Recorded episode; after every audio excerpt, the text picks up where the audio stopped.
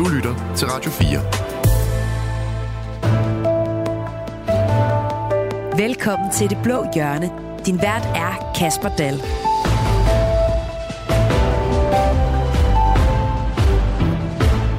En fødselsdag, et klimatopmøde og en skattereform. Ja, politikerne de har travlt herop til jul, og der er nok at tage fat på. For øh, er verdenssamfundet endelig kommet på ret kurs i den grønne omstilling efter aftalen på COP28? Har Danmark med mere end 10 milliarder i skattelettelser fået en ultrablå skattereform? Og hvor meget er der egentlig at fejre her på regeringens etårs fødselsdag? Det skal vi alt sammen øh, se nærmere på i dagens udgave af Det Blå Hjørne. Velkommen indenfor. Du lytter til Radio 4. Og med mig i dag har jeg selvfølgelig tre borgerlige politikere. Den tredje er lige ankommet i studiet, det er derfor, der er lidt uh, hej hej rundt i uh, studiet. Jeg vil lige byde velkommen til den ene først. Solbjørg Jacobsen, velkommen til Det Blå Hjørne. Mange tak. Du er Liberal Alliances politiske ordfører. Jeg har fulgt lidt med i den julekalender, du laver på Instagram. Ja. Den indeholder mest politik. Mest politik. Men i går der var der så et billede af din familie bag lågen. Mm-hmm. Hvorfor valgte du egentlig at sådan lægge noget personligt ud lige pludselig? Jo, men altså, det handler bare mest om den julekalender. Det var bare mig, der havde lyst til at kigge på året, der er gået. Og øh, politik følger meget. Men øh, det, bestil, det følger bestemt ikke det hele. Og øh, familien er jo alfa og omega i ens menneskes liv. Og derfor skulle de selvfølgelig også med. Så det handler ikke om, at du også bare gerne som politiker vil vise, at der er en personlig side af dig, og den private solbjørg, og det hele menneske? Nej, altså jeg havde jo, før jeg kom i politik, så havde jeg jo også øh, en Instagram og Facebook, og øh, jeg synes egentlig, det er hyggeligt, man kan følge med i hinandens liv, især det, man ikke ser så meget. Så jeg gør det egentlig ikke særlig meget anderledes, end, end før jeg blev politiker. Men nu er du blevet en offentlig person, så er det jo alle mulige, der lige pludselig kan komme ind og finde ud af alt muligt om uh, Solbjørg Jacobsen. Ja, og derfor så, så har det også medført, at, at jeg spørger lidt mere ind, er det okay at lægge det her ud? Og fordi det nemlig har en lidt større rækkevidde derude. Så, så øh, måske, jamen jeg synes egentlig ikke, jeg har ændret det så meget. Politikere kan have, kan have tendens til måske at blive lidt for meget politikere, når de kommer ind, og man må gerne stadig bevare det, men også kunne lide før, og det gør jeg stadig. Susie Jessen, velkommen til dig. Mange tak. Du er det samme som øh, Solbjørg Jacobsen, nemlig politisk ordfører, dog for et andet parti, nemlig Danmarksdemokraterne. Yes. Susie, vi har også været inde på din Instagram og kigge lidt, hvad du går rundt og laver. Du har for nylig fået en ny brændeovn. Ja. Kunne jeg se på en af dine Instagram stories. Det er rigtigt. Er det et øh, juleønske, der er gået i opfyldelse?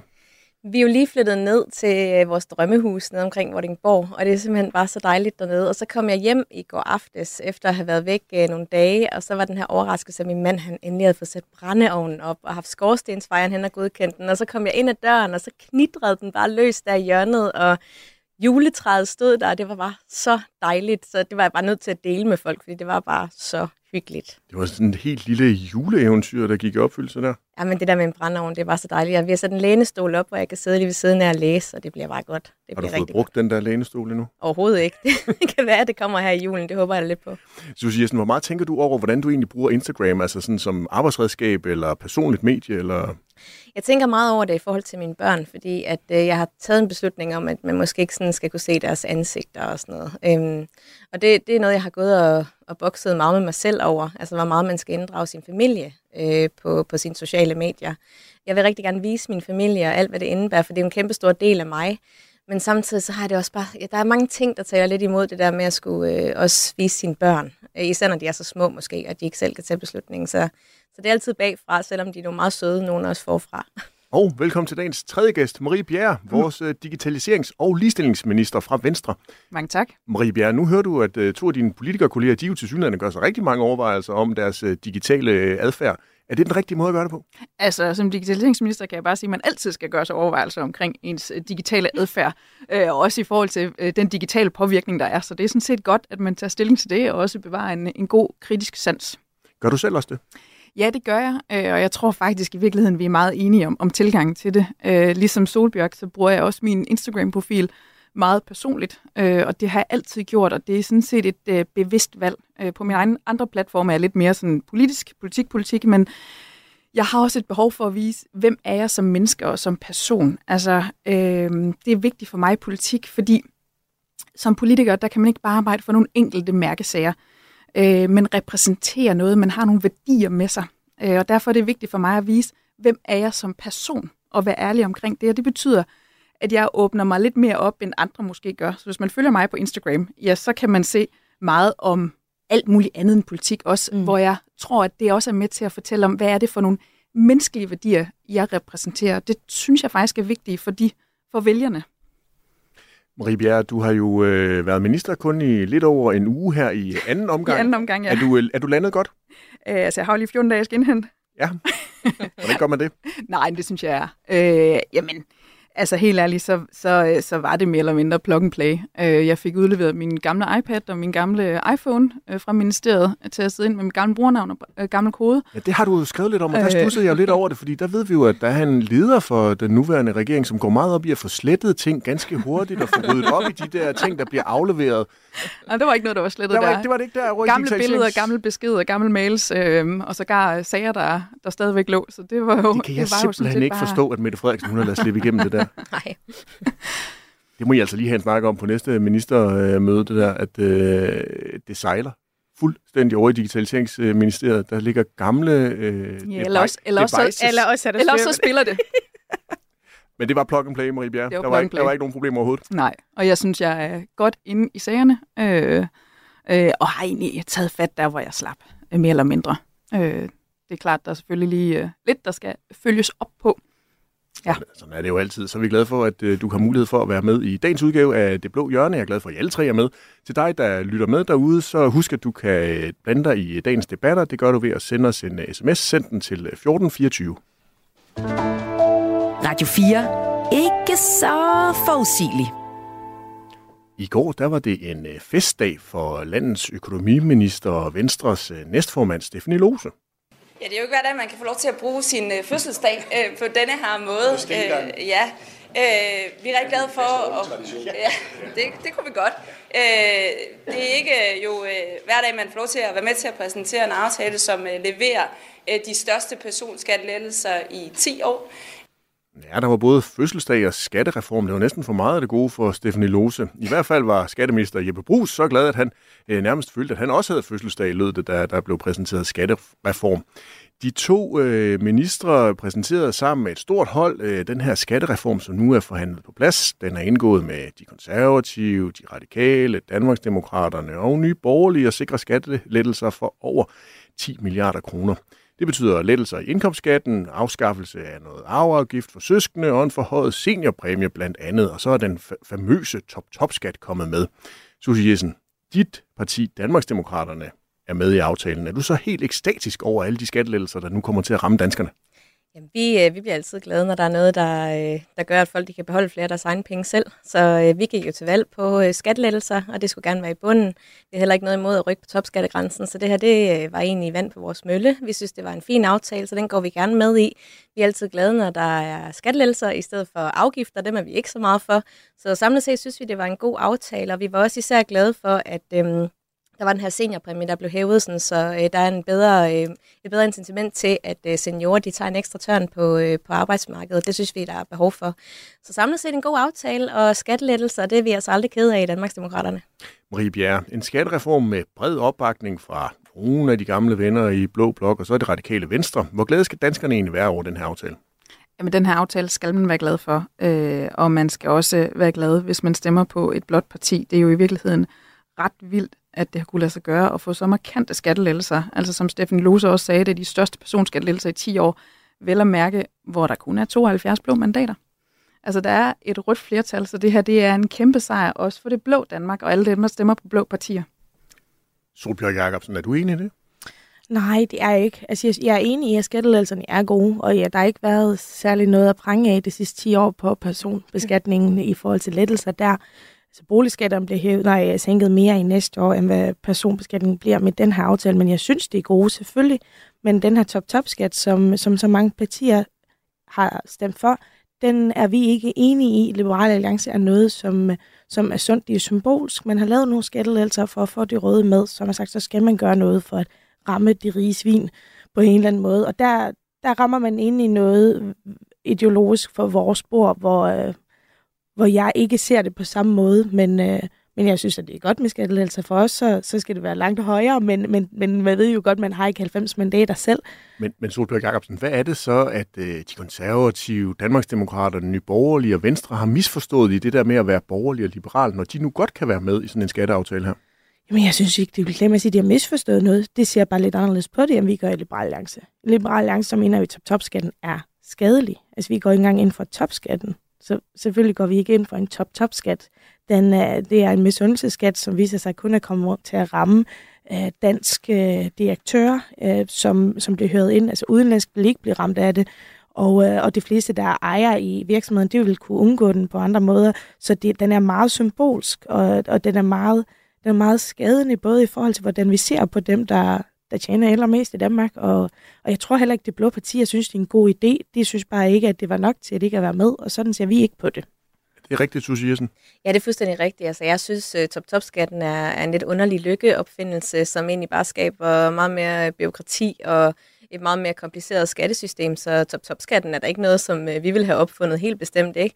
Øh, og det er jo en afvejning, som Liberal Alliance har taget. Vi har så taget den afvejning, at øh, skattelettelser over hele linjen, det er egentlig Dan- Danmarksdemokraternes politik, og derfor så er vi med i aftalen.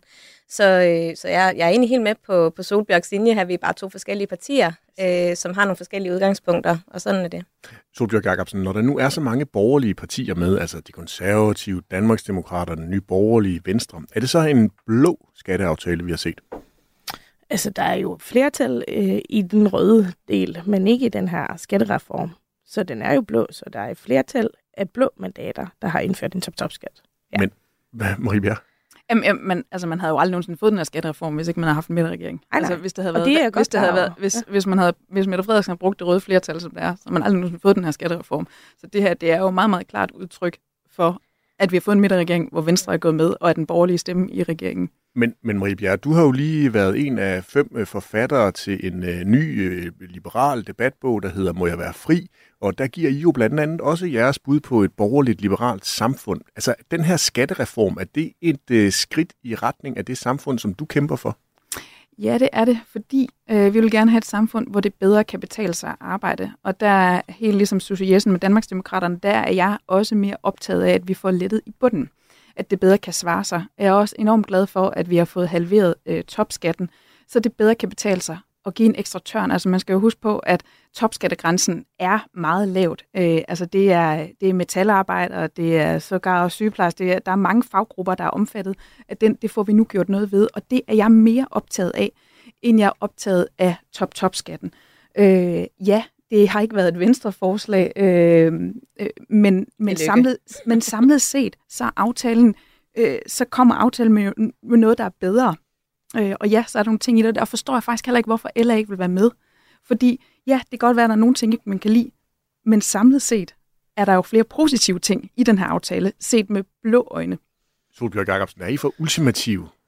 Jamen, vi forsøgte egentlig, vi var egentlig ikke ultimative på, at vi øh, var fuldstændig afvisende for, at så, øh, så lave nogle andre forslag på, hvis det er, at man absolut skulle lade skatten stige på andre områder, så kunne man måske kigge på eksempelvis forskerskatteordningen, hvor vi var inde, og øh, det var der så, jeg kunne forstå, at Venstre var ikke, ikke afvisende over for det. Det var, det var Socialdemokratiet, der, der slog sig mest på at finde andre løsninger end top-top-skatten. Men jeg synes bare, det er meget ultimativt, at man ikke vil være med på grund af det her ene forslag, som rammer så få mennesker, når aftalen samlet set indebærer noget, der er rigtig, rigtig godt. Og derfor vil jeg også gerne rose Danmarksdemokraterne for rent faktisk at være med, og i øvrigt også forbedre det øh, med den her seniorpræmie, der kommer med. Fordi samlet set, så er den her aftale godt for Danmark. Det er ikke godt for de arbejdende danskere. Ja, øh, men, men jeg vil også bare lige sige, at jeg, jeg mener til gengæld ikke, at der er noget sådan særligt ved, ved den her skattereform, udover at det selvfølgelig er rigtig mange gode skattelettelser, men altså vi har jo set under Helle thorning Schmidt, at hun også lavede en skattereform sammen med, med, med Venstre blandt andet i sin tid, ikke? så det er jo ikke særligt, at man laver aftaler, hvor Venstre og Socialdemokratiet er med. Det er ikke særligt, at man laver forlig og aftaler, der er brede. Det er også bare lige for at sige, at det er noget, regeringen siger rigtig, rigtig ofte, at det er nu helt Meget særligt, særligt. at man, øh, at man får øh, rød og blå til at mødes, og moderaterne går og siger, at det er det, der sker, når man blander rød og blå og sådan noget. Og det er jo noget, det er jo noget vrøvl, fordi det er jo sket i årvis, men de store aftaler for lige har altid som regel været, været store og brede inde på Christiansborg. Susie Jessen, hørte jeg dig sige, at øh, de største skattelettelser altid bliver givet, når der sidder en socialdemokrat for bordenden? Nej, det hørte du mig ikke sige. Men jeg synes også, at vi, vi uh, Susie Jessen kom ind på noget rigtig sigende der med, at alt skal være så historisk og, og stort. Altså, det her skattelælser, det er jo, det er jo godt, at der kommer skattelælser. Men, men har der som parti også nogle holdninger? Jeg har også læst Marie Bjergs bog. Jeg er faktisk lige blevet færdig med den. Jeg mødte også næste uge den. Jeg synes faktisk, den er god. Jeg vil ønske Marie Bjerg styret regeringspolitik, hvis hun kunne gøre det med de principper, der er i bogen. Fordi Jamen, vi at, har desværre kun 72 ja, mandater, Solbjørg. Men, øh, men, øh, men der er faktisk rigtig mange gode ting, og det er jo, den er meget ideologisk anlagt også. Og øh, vi ser jo et skattesystem i, øh, i Danmark, der er ultra komplekst. Og øh, det opponerer man så også imod i, i Maries bog, at, øh, at det er simpelthen for komplekst. Og øh, skattesystemet kan vi jo se, det varierer mega meget. Vi er også enige, at skatten skal lettes i bunden, men det skal også fjernes i toppen, fordi det vil da også give et øget arbejdsudbud.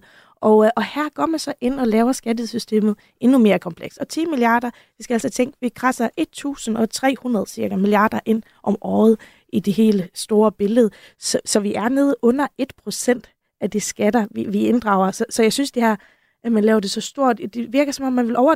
I må gerne være stolt af den. Jeg er ikke enig i, at, at jeg, vi vil indgå den, men, men, men jeg kan da have forståelse for, hvis man står som et andet parti med et andet synspunkt, men man overspiller lidt både finansloven og nu også skattereformen, at det er så historisk.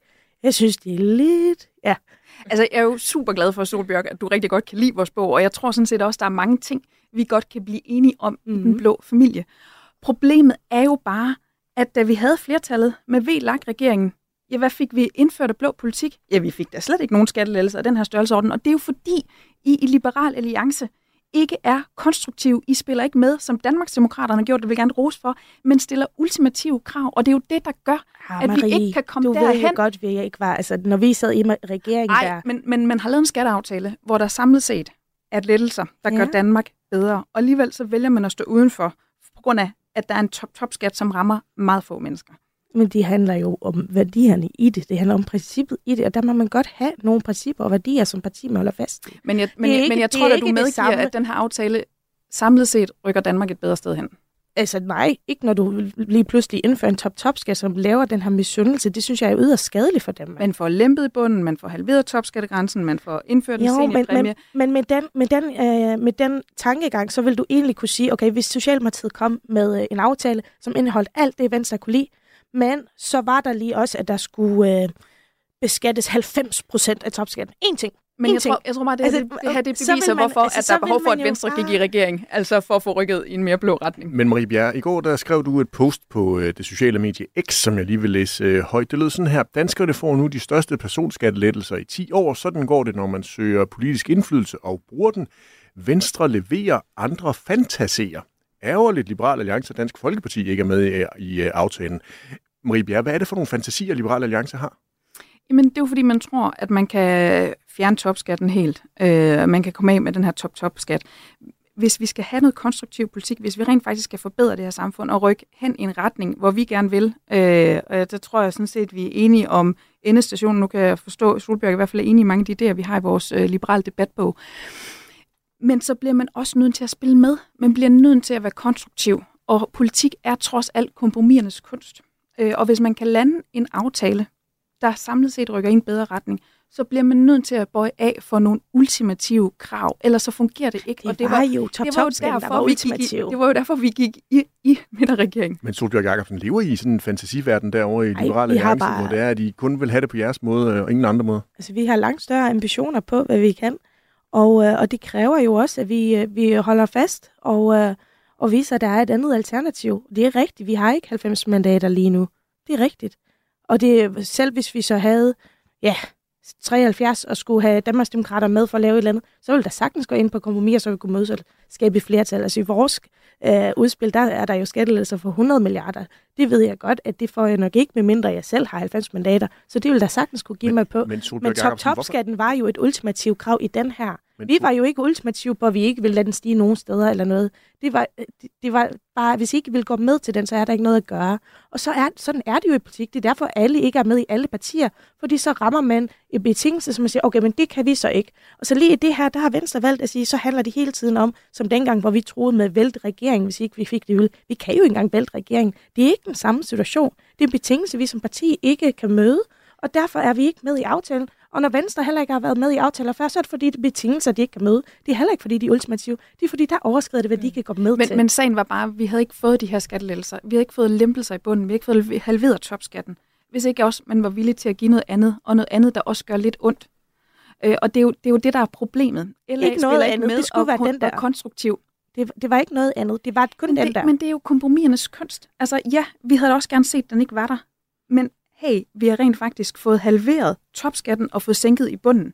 Og jeg kan bare sige, for mig, der er det vigtigere, og jeg tror, det er bedre for vores samfund, end at man svarer, forsvare nogle meget, meget få enkeltinteresser. Jeg er... Ej, det er ikke at forsvare enkeltinteresser. Jeg det, synes... her, det handler om, hvad er det for et samfund, vi har? Hvad siger vi til vores hvor det bedre unge, kan betale sig at arbejde. unge mennesker? Okay, ved I hvad? I skal, vi skal alle sammen bidrage, og vi skal alle sammen bidrage, og hvis, hvis du gør det ekstra godt, hvis du kommer helt op i det høje niveau, hvor du faktisk kommer til at tjene rigtig mange penge, jamen så skal du lige have et ekstra godt i løden. Altså. Der, der tror jeg bare, vi ser forskelligt på det. Øh, der vil jeg sådan set hellere lempe i bunden. Men jeg synes bare, det er ærgerligt, og det beviser jo, hvorfor at det var så godt, at Venstre gik i regeringen og spillede konstruktivt med. Må jeg, lige, må jeg lige sige, altså det er simpelthen, jeg vil simpelthen bare gerne anholde det der, fordi det er simpelthen ikke rigtigt, at man ikke har lavet forlig og aftaler af den her størrelsesorden før der var en, et parti som Venstre, der pegede på Mette Frederiksen som statsminister og solgt ud af både principper og valgløfter. Altså det her, den her situation har vi jo stået i før. Der er blevet lavet for lige aftaler af den her størrelsesorden før. Den eneste forskel nu er, at Venstre bakker op om Mette Frederiksen. Man har nogle møgsager, og dem kan man, øh, dem kan man sådan lige øh, hjælpe hinanden lidt med derinde i regeringen. Men ellers så kører Christiansborg videre, som det altid har gjort, med forlige og aftaler i en bred kreds, hvor man ser sig selv enige i de her ting. Mm. Den eneste forskel, det er, at I kan skærme hinanden i Mink-sager og FE-sager. Jeg føler, at jeg sådan er blevet skydeskive her i midten. Jamen, sådan er det. øhm, er det ikke lev med det? Er det ikke det, hun siger? men, men, men altså, jeg bliver nødt til at sige, at det er jo altså bare 10 år siden, og det var på et tidspunkt, øh, hvor radikale venstre øh, var med og kunne lave de her skatteaftaler. Det var ikke noget, vi så i sidste periode. Det var heller ikke noget, vi så under en VLAG-regering. Vi har et rødt flertal. Jeg er helt overbevist om, at vi havde ikke set den her form for skattelettelser, hvis ikke Venstre var Men altså, nu jeg, jeg, jeg har været meget opmærksom på, især for de aftaler, der ligger øh, i, i, i de sidste perioder, fordi at vi er jo et nyt parti, og vi vil jo gerne ind øh, de steder, hvor det giver mening. Og rigtig mange af de forlige aftaler, som jeg har siddet og kigget på, altså der står både Socialdemokratiet og Venstre altså på, og det var før den her, øh, den her regering den blev til. Men altså, det er jo ikke... Når Marie Bjerre siger, at, at det er uforstående, hvad vi gør, og det er er en forkert måde at føre politik efter Venstres overbevisning, så, så synes jeg også, at det er helt klart for debatten, at jeg forklarer, hvad er det, hvad er det for vores mening, er, hvad, hvad, er vores, hvad er vores ambitioner for Danmark. Venstre har valgt noget andet. Det skyder jeg ikke på. Det, det, er, det er jeres valg. I mener, det der er det rigtige. Jeg er fuldstændig uenig i, at man kan gå så meget på kompromis. Vi går også på kompromis. Det gør vi. Vi har jo været med i mange aftaler. Det ved Venstre også godt. Her var der en betingelse, som vi siger, okay, men så bliver, så bliver pakken for dyr, fordi vi, vi rammer ind i noget, vi mener er direkte skadeligt for Danmark. Og det er jo hver gang Venstre også har stået uden for en aftale, så har det været, fordi det, det rammer ind i noget, de ikke kan stå inden for. Og det er jo helt fair. Men Venstre ser ikke på samme måde på de liberale visioner i Danmark, som Liberale Alliance gør. Det er også i orden. Marie Bjerre, du får lige sidste ord. Det er bare en meget, meget lidt konstruktiv måde at arbejde på. Øh, altså hvis man holder så ultimativt på sine egne principper, og det her det må overhovedet ikke koste noget for de absolut rigeste danskere, ja, så er det meget svært at lave politik, og politik, der hjælper bredt. Men det rammer jo ikke de rigeste. Ud af de 100 mest rige personer i Danmark forventer man måske, der er en, der skal betale top-top-skat. Ja, det er top-top-skatten. Til gengæld så har vi fået lavet skattelælser i bunden, og vi har fået halveret topskatten. Jo, jo men, men, det, men det skyder jeg heller ikke på. Det synes jeg også er dejligt. Så synes jeg, I skulle være gået med og været mere konstruktiv. Lytter til Det Blå Hjørne på Radio 4.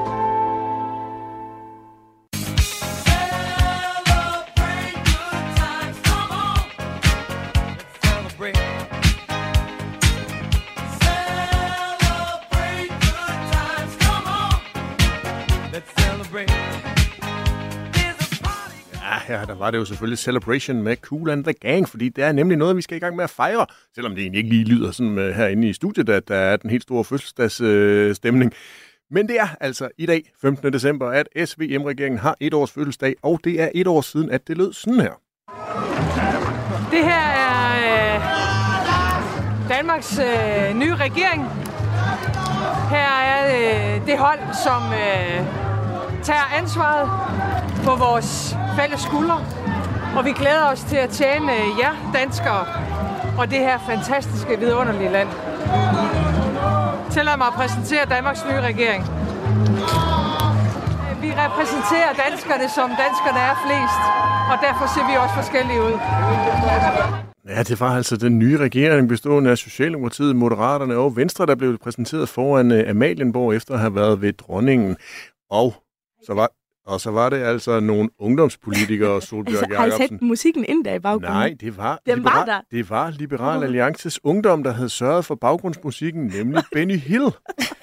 Marie Bjerre, hvad var det for nogle forventninger, du stod med der, den der øh, iskolde decemberdag for et år siden?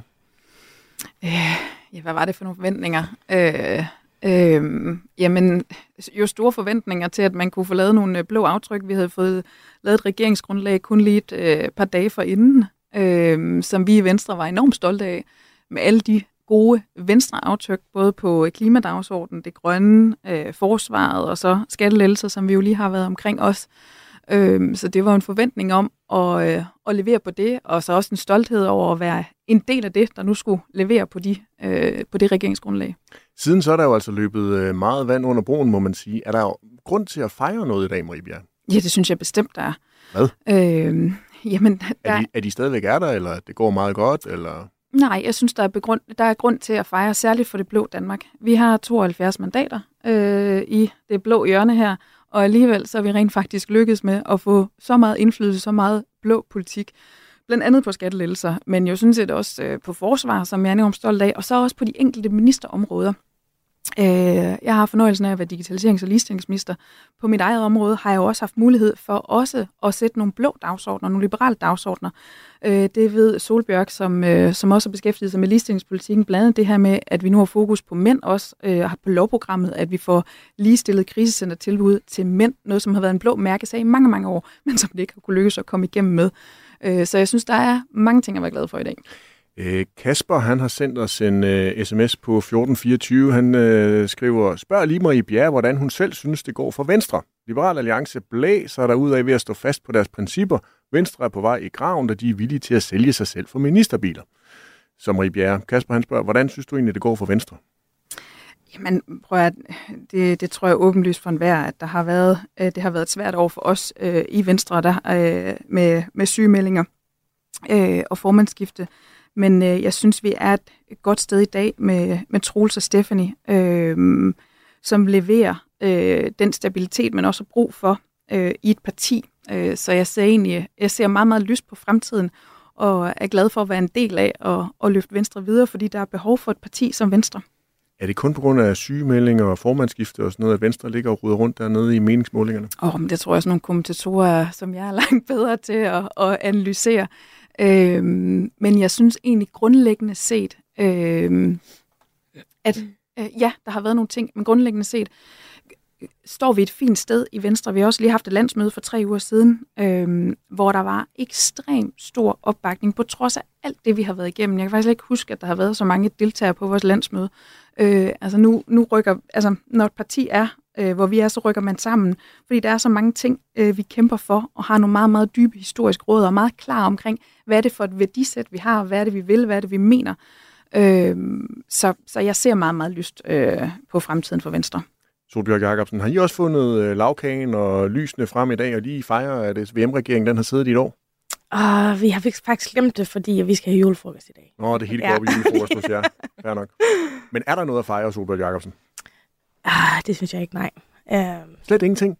Jeg synes, at uh, den her regering desværre viser sig at, uh, at have taget teknokrati så dybt ind i Christiansborg, at uh, det hele det bliver, det bliver meget rigidt. Altså når vi, når vi for eksempel forhandler, så er det meget tydeligt, hvis du forhandler med en minister, at uh, det har taget lang tid for dem at blive enige internt i regeringen. Det har skulle give sig meget. Venstre skulle give sig på noget, Socialdemokratiet skulle give sig på noget, Moderaterne. Så, så når vi så kommer til, så kan der nærmest ikke rykkes ved noget som helst. Men Solbjørg Jacobsen, det er jo også en flertalsregering. Ja, det er det jo, og derfor så, så kan de jo også bare sige så smut. Og det er jo et faktum, vi som oppositionspartier bliver nødt til at forholde os til. Sådan er det. Og, øh, og vi, så kan vi forsøge at, at få noget med, og det lykkes vi nogle gange med, nogle gange gør vi ikke. Men denne regering har jo afskaffet en fridag for at få øget arbejdsudbud, selvom der er mange, mange gode liberale bud på, hvordan man ellers kunne øge arbejdsudbuddet uden at gøre det. De har blandet sig i lønforhandlinger ved, på det offentlige område, hvor man har løbet nogle lønstigninger på, på nogle bestemte faggrupper, noget vi ellers har brystet os af, ikke er noget politikeren dikterer. Men dog på en liberal måde. Altså hvor man tilskynder øh, at give en ekstra indsats. Hvor du får belønnet. Du altså ind, og, du går ind og, og fastsætter noget løn på, på nogle ansatte, og det har man normalt ikke gjort i politik i Danmark, som har gjort ved at gå have nogle valgkampe, hvor de ikke kommer i fokus. Og jeg har jeg meget bekymret for, hvordan det eksempelvis sker i, i, øh, vi kan sige længere nede i Europa, hvor hele valgkampen går op i, hvem der skal mere i løn. Så kan vi sige, at FI-sagen, den bliver ikke undersøgt øh, på nogen måde, som vi kan have tillid til, at betrykker os danskere. Vi kan se, at øh, Koran-sagen, som kommer frem hele tiden, den, men, den, er, men, den er en skændsel for men, dansk men, politik. Så nej, jeg har ikke noget fra jer i dag. Solbjørg Jacobsen. På nær, jeg skal julefrokost.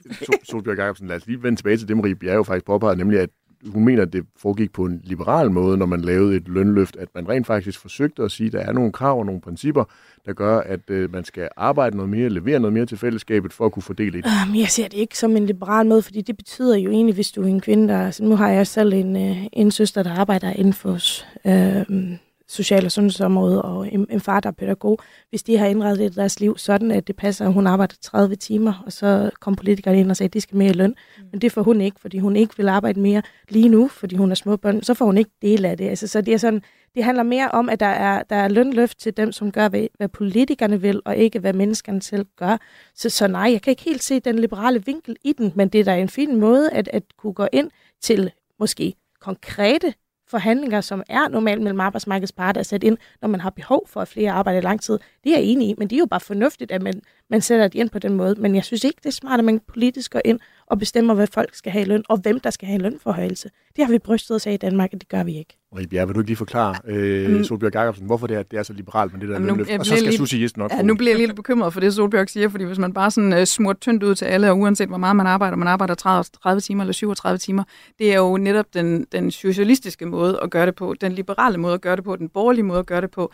Det er jo rent faktisk at belønne dem, som gerne vil levere en ekstra indsats, øh, og hvor man får mulighed for lokal løndannelse, hvor man får mulighed for at ja. give der, hvor det er svært at tiltrække medarbejdere, mm. hvor man får mulighed for at belønne dem, der tager vagter på skæve tider, i stedet for bare at smøre det bredt ud. Og det her, lige præcis med lønaftalen, det er jo faktisk et rigtig godt eksempel på, hvor man kan være rigtig, rigtig glad for, at Venstre sad med i regeringen og fik de her ting med, så det netop ikke bare blev smurt bredt Jamen, ud. Jeg har ikke sagt, at det skulle profilering. tyndt ud. Eller Jamen, det var det, du sagde med de 30 timer med din søster, der ikke fik del i det. Jeg, jeg sagde bare, at det var det, I havde gjort, og det var for at belønne dem, der gjorde ekstra økonomiske incitamenter også på arbejdsmarkedet. Det sker jo helt automatisk også på markedet, efter hvad man har behov for. Det er jo fint. Det, jeg siger, det er, det skulle ikke have lavet politisk, politisk overhovedet. Men sådan fungerer den offentlige sektor bare ikke. Der har du ikke mulighed for at, at, at lave lige, der havde du ikke lige så god mulighed for at lave Nej, lokal løndannelse, som du har på det private marked. Nej, speciel måde, Husk, vi styrer løndannelsen. Vi, vi er altså i gang med øh, den positive, festlige del jo, jo, af men, dagens... men der bliver bare øh, snakket, at det er helt naturligt, at politikere går ind og giver offentlige øh, ansatte mere i løn. til fødselsdagsfejring, Det er det private, der er løndannende i Danmark. Det er vi glade for. Og det er det stadig. Susie Jessen, er der ikke noget at fejre på etårsdagen for SVM-regeringens øh, øh, tilblivelse? Nej, det synes jeg helt bestemt ikke, der er. Øh, der er blevet taget nogle øh, beslutninger i regeringen, som jeg personligt har været fuldstændig i chok over. Altså, Koranloven er den ene af dem, og Stor Bededag er den anden. Jeg havde aldrig nogensinde forestillet mig, at vi ville komme til at sidde i en situation, hvor det var, at der var øh, lande som Iran og Irak, kvindehadende lande i øvrigt, nu er vi alle sammen ligestillingsordfører og ligestillingsminister herinde, som skal sidde og diktere, hvordan vi øh, indretter vores lovgivning. Det er en frygtelig, frygtelig lov, og jeg er stadig i chok over, at den er blevet vedtaget, og at man rent faktisk lader øh, mullager nede i Mellemøsten definere vores lovgivning. Det er den ene ting. Så fjerner man en helligdag, en historisk helligdag for os, øh, med et eller andet mærkeligt argument om, øh, om arbejdsudbud. Og så sidder jeg også bare og tænker på, på den her etårsdag, tænk engang, hvis Venstre ikke var gået i regering dengang. Altså, så havde Mette Frederiksen stået med et meget, meget vaklende rødt flertal, bestående af Alternativet, hvor det er, at de har fået løsgængere siden. Måske også Moderaterne, hvor det er, at de øh, jeg har masser af sager og løsgængere også. Det ville have været en meget, meget usikker situation for Mette Frederiksen. Og den eneste, vi kan takke for, at Mette Frederiksen stadig sidder sikkert på den statsministerpost, det er Venstre. Um, så lad os bare lige lave tankeeksperimentet, hvis Venstre ikke var gået i regering for et år siden. Ja. Så er jeg ret sikker på, at vi ikke havde fået en så markant frisættelse af folkeskolen, vi havde ikke kunne sige, at vi i 2030 kan leve op til 2% øh, NATO-kravet. øh, NATO-forpligtelse. Hvorfor ikke det? Der var der Fordi der ikke havde, fordi Der der der, der havde, var der, der af fuldstændig partier, der ikke havde været til det. flertal til det. Jo, Du havde det ikke haft, være. må, jeg godt Det have lov ikke til, rigtigt. må jeg godt have lov Jamen, til det er simpelthen ikke rigtigt. Havde du haft et løfte psykiatrien, som Venstre gik, gik til, til valg på, at det skulle finansieres, det havde du næppe. Havde du haft, at vi sløjfede ekstraordinære penge til arbejdsløse indvandrere? Nej, det havde vi ikke, fordi der er et rødt flertal. Det havde de aldrig tilladt. Havde vi fået afskaffet tvangsfordeling til gymnasieelever? Nej, det tror jeg faktisk heller ikke, vi havde. Havde vi fået udryddet erstatningen til minkavlerne så hurtigt? Nej, det havde vi heller ikke, fordi der er et rødt flertal. Det kan være, at Mette havde fået en sag, men altså, det er jo ikke til at vide. Jamen altså, de fleste Det ting... havde der heller Men, ikke været men, men prøv at høre, altså, det er jo også utroligt, at Christiansborg overhovedet har kunne eksistere, øh, før der var en, øh, en regering bestående af Venstre og Socialdemokratiet. Der blev aldrig åbenbart ifølge Marie Bjerre lavet nogen som helst aftaler, der var brede, før at Venstre solgte deres sjæl til Socialdemokratiet. Altså, det, det er jo det, du siger rent reelt, Marie, at der ikke... Øh, altså, forsvarsforlidet, det er en bred aftale. Vi sidder rigtig, rigtig mange partier der. Vi har også været med i uddannelsesforlidet. Altså, det er simpelthen, en, det, det er simpelthen ikke rigtigt, det der I prøver på at bilde befolkningen ind, at man ikke kan lave aftaler, hvis Venstre ikke er i regering med Socialdemokratiet og bakker op om Mette Frederiksen som statsminister. Altså, det er, undskyld mig, noget vrøvl. Jamen, prøv at, selvfølgelig kan der blive lavet aftaler. Det gjorde der jo også i sidste periode, hvor vi havde en ren S-regering på et rødt flertal. Du tror ikke, der ville have lavet et og- forsvarsforlig, hvis det var, at, øh, at, at I ikke havde øh, solgt jer sjæl til Mette Frederiksen? Prø- Jeg prøver lige igen. Øh, selvfølgelig kan der blive lavet aftaler, når man har en rød regering. Øh, der er et rødt flertal, og så vil det have fortsat, som det var i sidste periode. Men det er klart, de støttepartier, og det vil så være de røde støttepartier, de skal jo også have noget, og det var det, der gjorde, at man for eksempel i sidste periode ikke kunne gøre noget i forhold til øh, at give flere penge til arbejdsløse indvandrere, give flere penge øh, til forsvaret, fordi at det er der nogle støttepartier, der ikke vil være med til, nogle røde støttepartier. Det har vi jo sådan set rent faktisk gjort op med, hvor de ultimative røde støttepartier er sat uden for indflydelse. Jo, men altså, jeg synes, det er sådan en underlig måde, at man sætter al, alle de ting, der er lavet, det var ikke sket uden en midterregering. Mm. Altså selvom der er jo alt, næsten alt, du nævner, der er blevet bakket op af blå partier. Mm. Næsten alt. Problemet er Og- og, bare, og meget der ikke er et ikke- flertal hos de blå partier. Nej, men Socialdemokratiet vil da også skære... Altså, den der øh, kontanthjælp, som du snakker om der, det er ydelseskommissionens anbefalinger, som bliver ført ud i livet, men med endnu strammere på udlændingområdet, som den socialdemokratiske minister fandt på. Ja. Det havde hun da det havde hun ikke haft opbakning fra det røde partier til.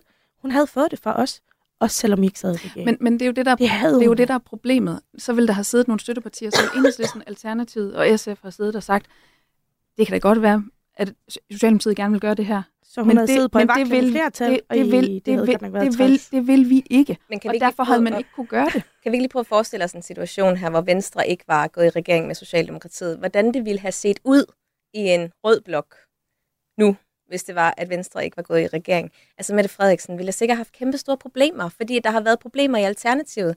Der har også været problemer i Moderaterne. Mm. Altså hun ville virkelig have stået med nogle store udfordringer over på den blok der. De udfordringer har hun ikke nu, fordi Venstre er der og stadig bakker op som, om Mette Frederiksen som statsminister. Og samtidig så er hun jo bare sluppet for så mange sager. Altså den mink-sag, den ligger der stadig. Den har hun aldrig nogensinde kommet til at stå til ansvar for, fordi Venstre holder hånden over Mette Frederiksen. Jeg synes stadig, det er en skandale, hvis jeg skal være helt ærlig. Og så har man taget nogle beslutninger, som simpelthen går ind og et øksehug ind i vores værdier, den koranlov. Jeg kan simpelthen ikke forstå, hvordan et parti som Venstre kan gå ind og bakke op om sådan en lov, Marie.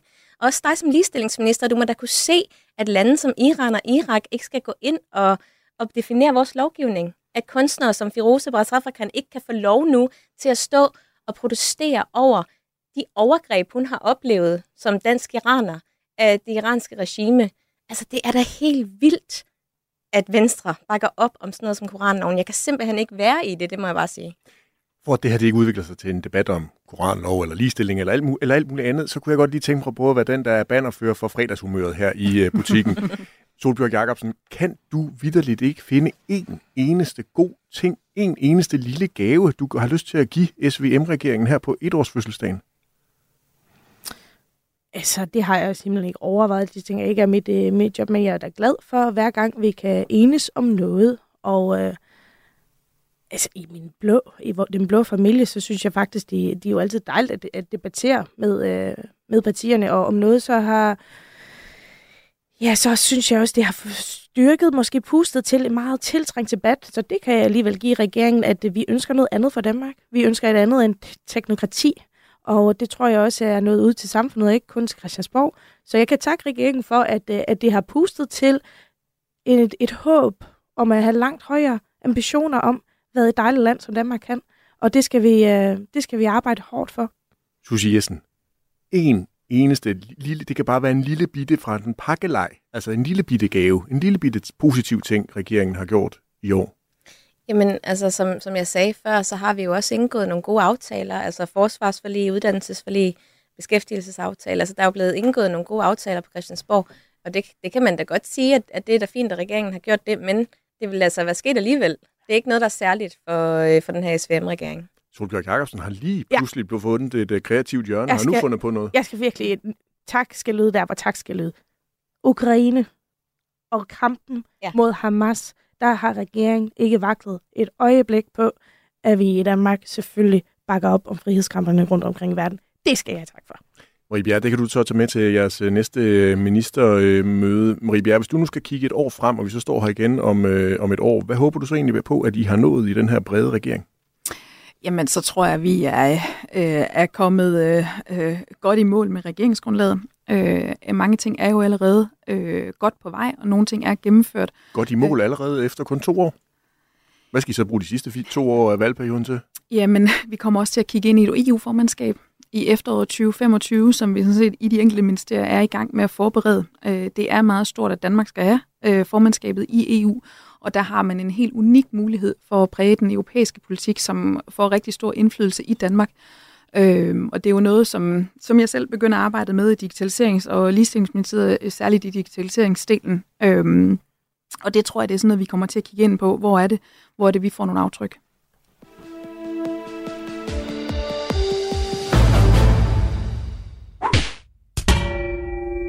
Vi skal også lige den her uge have uddelt nogle blå mærker. Det her vil lade politikerne sende et kærligt, men bestemt blåt mærke til en kollega i et af Centrum Højre partierne. Susie Jessen, hvem skal have dit blå mærke den her uge? Det er uden nogen som helst tvivl i mit sind Monika Rubin fra Moderaterne. Ja, hvorfor? Fordi at hun øh, skrev et opslag på Twitter, hvor øh, herefter at øh, det blev rullet ud, at øh, der havde været et potentielt øh, terrorangreb på vej i, i Danmark, der skrev hun et tweet, hvor hun skrev, øh, se selv, det er derfor, vi har brug for en koranlov. Og det var bare på alle måder. Jeg tror jo, hun har slettet det bagefter. Det kan jeg, jeg, også ret sikker undskyld, jeg må ikke bande, men det kan jeg så godt forstå. Fordi at det der med, at man tror, at hvis man vil lave en koranlov, så slipper man. Altså, det er godt nok naivt over for de islamister, der tror os. Så det er mm. bare et ordentligt blåt mærke til Monika, det må jeg sige. Solbjørg Jacobsen, hvem skal have dit blå mærke den uge? Jamen, Susie tog mit. Nej. Jo. no. Ej, men jeg synes også, ja. det er på sin plads, og jeg, jeg ved også godt, hun har slettet det, og det synes jeg også var på sin plads, at hun slettede det igen. Jeg fandt det yderst usmageligt, at der er en terrortrussel, og, øh, og vi har PET og efterretningstjenester, der griber ind, og jeg synes, de holdt godt pres med os, for det også, vi kan have en god og tryg jul. Så går man ikke ud og siger, se, se hvor godt det er, vi har regeringen, der laver en koranlov, så at folk ikke gør noget, så at folk har lyst til at, at lave terror i Danmark. Jeg, jeg synes, det var meget, meget upassende. Marie Bjerre, hvem går dit blå mærke til det nu? Ja, men altså, jeg er lidt ked af det, for jeg holder enormt meget af, af, Solbjørk, men mit blå mærke, det går til øh, LA samlet set for deres meget ukonstruktive tilgang til politik. Altså, jeg synes simpelthen, det er utroligt, at man er med i en finanslov, og så går man ud og kritiserer den. Så skal man lade være med at være med. Så vil man ikke være med i en skatteaftale, øh, på trods af, at den leverer noget, der er, er langt bedre samlet set. Øh, og, jeg, og jeg giver det blå mærke, for jeg er så ærgerlig over, at man har så ukonstruktiv en tilgang til politik, og det gør mig lidt ked af det øh, for det blå Danmarks vegne. Øh, fordi hvis vi skulle få flertal en dag, så er det enormt svært at arbejde sammen med partier, der er så ukonstruktive. Du lytter til Radio 4. Måske fordi du er en af dem, der rent faktisk har lyst til at høre noget nyt. Radio 4. Ikke så forudsigeligt. Ja, nu har vi øh, rodet godt rundt i den øh, lokale andedam. Nu skal vi have det store internationale blik på, fordi det internationale klimatopmøde COP28 sluttede med et brag i onsdags. It is so decided.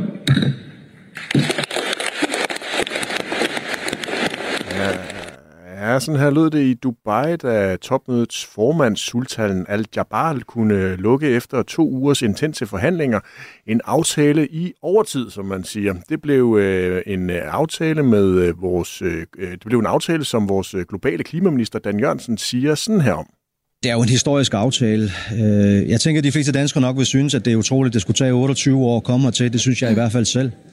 Når det så er sagt, så, så skal vi selvfølgelig også glæde os over, at nu er vi her. Verden har sagt til hinanden nu, vi skal væk fra fossile brændstoffer. Olie, kul og gas skal væk. I stedet skal vi have vedvarende energi. Ja, aftalen på øh, FN's klimatopmøde kaldes historisk af politikere, da fossile brændsler, altså kul, olie og gas, for første gang har fundet vej ind til aftaleteksten. Solbjørg Jacobsen, sad du klistret til skærmen og fulgte med i COP28? Uh, ja, skal jeg sige ja, eller skal jeg være ærlig? Øh, det gjorde jeg faktisk ikke, men jeg har da fulgt med alligevel. Øh, og øh, det, som jeg, hvis jeg skal tage det ud, jeg var aller glad for, og øh, hvis jeg igen skal tage frem til Maries bog, som jeg også kan formode, hun er glad for, så er alle os, der gerne så en savlig og øh, mere øh, åben debat om atomkraft i Danmark. Øh, det har man faktisk skrevet ind i aftalen, at øh, det er man ikke imod. Så, så jeg er meget glad for, at Dan Jørgensen har sat sin underskrift på det der, fordi Socialdemokratiet er ellers dem, der spænder utrolig meget ben for, at vi kan bare i hvert fald få forsket ordentligt i det, for undersøgt mulighederne. Kunne det være noget i Danmark? Så det håber jeg kommer til at rykke noget med, at vi i Danmark kan have en lidt mere savlig tilgang til kernekraft. Marie Bjerre, medierne får ofte kritik for at bruge ordet historisk om mange ting, f.eks. historisk brede finanslov, eller historisk store skattelettelser, eller hvad det nu kan være, der ligesom er historisk. Her der blev man også, øh, her brugte man jo også ordet øh, historisk. Er det også tilfældet her?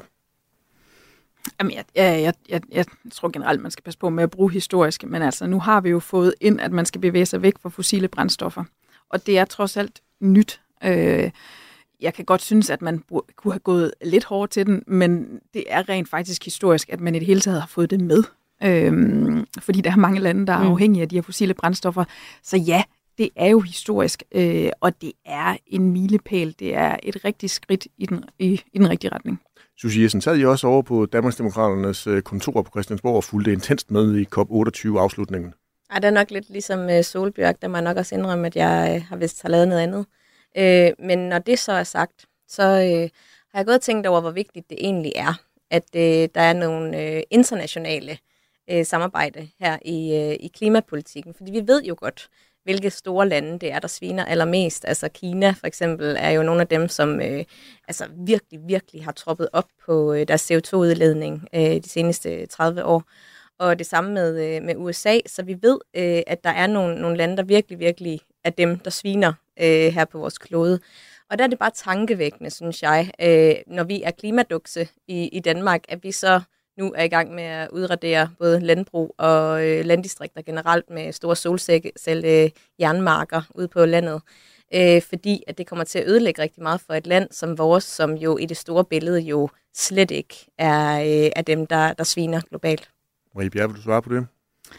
Øh, jamen, så meget klimadukse er vi jo heller ikke i Danmark. Øh, altså, vi har stadigvæk et alvorligt problem i forhold til vores øh, forbrug af affald. Øh, vi smider enormt meget væk. Øh, vi er dårlige til at genanvende. Øh, Øh, vi fyrer stadigvæk med kul, øh, og der de her internationale aftaler, de ligger jo også et nationalt pres. Altså grunden til, at vi har 70% målsætning, det er jo fordi, vi har Paris-aftalen. Øh, så derfor er det jo også noget, man kan bruge i, i en dansk kontekst øh, og skal arbejde med. Og så store klimadukse er vi altså heller ikke. Det vil jeg kunne sige, godt gøre mere. Øh, jeg, jeg vil sige, at vi er rigtig, rigtig gode. Altså, jeg har været og besøge en del øh, mælkeproducenter her på det seneste. De er super dygtige til at mindske deres CO2-udledning i forhold til øh, bare Europa, men også hele verden. De er faktisk virkelig, virkelig dygtige til det. De laver fodersammensætninger, der gør, at, øh, at køerne de udleder mindre, end de, end de skulle helt generelt er vi bare rigtig dygtige. Altså, vi er slet ikke deroppe i forhold til de andre lande, blandt andet fordi vi er et lille land, men også hvis man tænker på i forhold til befolkningens antal. Så, men det, der sker nu, det er, at man fører klimanationalisme i en sådan grad, at det går ud over vores landdistrikter virkelig voldsomt. Altså, det, de der solcelleparker, jeg vil bare sige, at det er virkelig, virkelig offensivt lige nu ude øh, på landet, men folk de opdager det ikke, fordi de ikke øh, er derude åbenbart. Men Susie Jessen, altså den klimaaftale, der blev indgået ved COP28-topmødet her onsdag morgen, den er altså ifølge Dansk Industri og Dansk Erhverv en gevinst for danske virksomheder. Sådan lyder det i hvert fald øh, fra dem. Øh, fordi at verdens lande har forpligtet sig på at tredoble mængden af vedvarende energi, fordoble energieffektiviteten og også netop det, som vi har været inde på, udfase fossile brændsler. Mm. Øhm, altså erhvervslivet, det danske erhvervsliv er jo begejstret for det her. Men, det er jo også noget, der kommer landdistrikterne til gavn altså COP28, siger du, er det det, ja. de er begejstret for? Ja, og det, det er også det, jeg siger at vi skal lave de her internationale samarbejde og aftaler. Det er jo det, vi skal have fokus på. Vi skal have fokus på, når vi kigger i en storby i Kina, at der hænger sådan en kæmpe sky hen over øh, storbyerne, fordi man ikke, engang, man kan ikke engang se hinanden for forurening. Det er jo det, vi skal have fokus på. Klima er jo ikke øh, noget, man kan arbejde med inden for grænser, fordi at det er jo en klode, vi mm. snakker om her.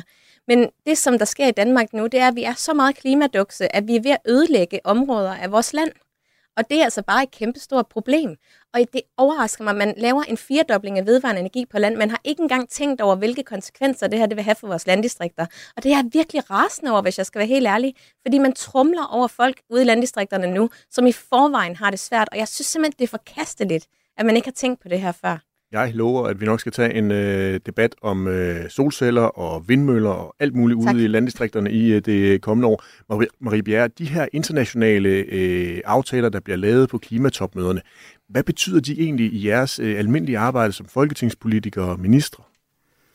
Øh, jamen, øh, altså, de betyder der noget, fordi de har jo også en ramme øh, for den danske måde, vi arbejder med klimapolitikken på. Altså eksempelvis øh, Paris-aftalen, som jo er baggrunden for, at vi har lavet vores 70% målsætning og også 25 målsætning, så derfor sætter det en ramme. Men derudover er de også vigtigt for os som land, fordi det, at man forpligter hele verden på øh, nogle klimaambitioner. Det er sådan set godt for Danmark, for der har Susie Jessen jo helt ret i, øh, at vi er langt fremme i Danmark på en række grønne løsninger, eksempelvis vores landbrug, som er et af verdens grønneste. Øh, men det er vi sådan set også på teknologisiden.